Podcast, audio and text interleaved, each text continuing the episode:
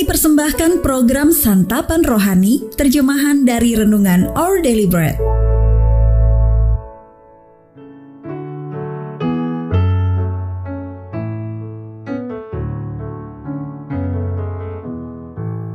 Sahabat ODB, pembacaan Alkitab hari ini terambil dari Matius pasal yang kelima ayat yang ke-13 sampai dengan ayat yang ke-16. Matius pasal yang kelima ayat yang ke-13 sampai dengan ayat yang ke-16. Garam dunia dan terang dunia. Kamu adalah garam dunia. Jika garam itu menjadi tawar, dengan apakah ia diasinkan? Tidak ada lagi gunanya selain dibuang dan diinjak orang. Kamu adalah terang dunia. Kota yang terletak di atas gunung tidak mungkin tersembunyi. Lagi pula, orang tidak menyalakan pelita lalu meletakkannya di bawah gantang, melainkan di atas kaki Dian, sehingga menerangi semua orang di dalam rumah itu.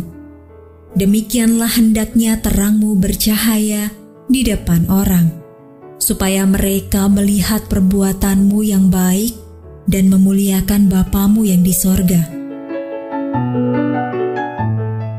Ayat mas renungan hari ini terambil dari Matius pasal yang kelima ayat yang ke-16.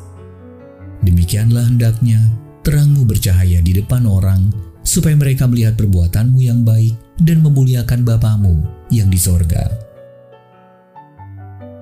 Renungan hari ini berjudul Kesempatan untuk Bersinar, ditulis oleh Elison Kieda.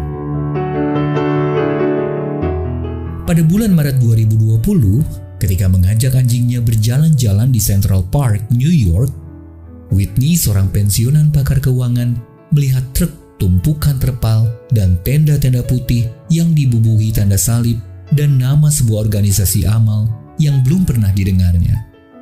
Ketika ia tahu bahwa mereka sedang membangun rumah sakit darurat untuk penduduk New York yang terkena COVID-19, ia bertanya apakah ia boleh membantu. Selama berminggu-minggu, meski berbeda aliran keyakinan dan politik, ia dan keluarganya membantu semampu mereka. Whitney berkata, semua orang yang saya temui sangat baik. Ia juga kagum saat mengetahui bahwa setiap orang di sana melayani dengan sukarela untuk menolong kota kami saat kami sangat membutuhkannya dalam upaya menjawab kebutuhan yang sangat besar di tengah dampak pandemi COVID-19, pihak-pihak yang nyaris tak pernah melayani bersama ternyata dapat bekerja sama. Dan umat Tuhan pun diberi kesempatan baru untuk membagikan tentang terang Kristus kepada orang lain. Dalam khotbah di bukit, Yesus mengajar para pengikutnya, Hendaklah terangmu bercahaya di depan orang supaya mereka melihat perbuatanmu yang baik Matius pasal yang kelima ayat yang ke-16. Kita memancarkan terang Kristus dengan membiarkan roh kudus membimbing kita dalam perkataan dan perbuatan yang penuh kasih, kelembutan, dan kebaikan.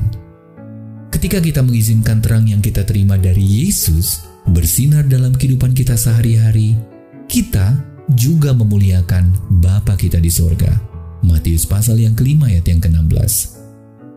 Jadi, kiranya hari ini dan setiap hari kita bersinar bagi Kristus saat Dia memampukan kita menjadi garam dan terang di tengah dunia yang sangat membutuhkannya. Sahabat ODB di mana Anda dapat melihat kesempatan untuk menyatakan harapan dan terang Allah kepada sesama hari ini? Pernahkah seseorang membawa terang bagi Anda di masa yang sulit? Tuhan Yesus tolonglah aku memancarkan terangmu dalam seluruh perkataan dan perbuatanku. Our daily bread ministries,